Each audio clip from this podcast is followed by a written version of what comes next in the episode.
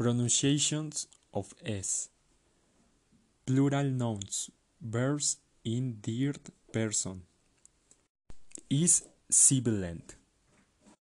C races, S voices, X voices, C praises, double S kisses, CH watches, SH dishes, GE changes, S voiceless, P sleeps, K books, T heads, F clef, PH grapes, TH meets C voiced.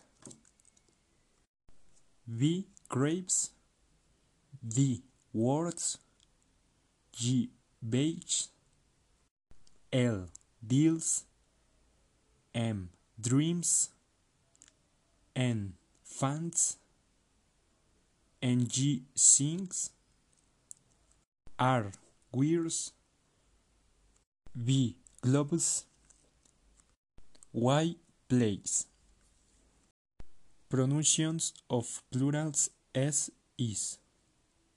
Final S is pronounced C after voiced sounds. Taxi cabs, beats, dogs, balls, years, boys, trees. Final S is pronounced S after voiceless sounds. Books, cups, groups, cats, students, desks. Final S is pronounced is. After is sounds. Class, horses, boxes, faces. After C sounds.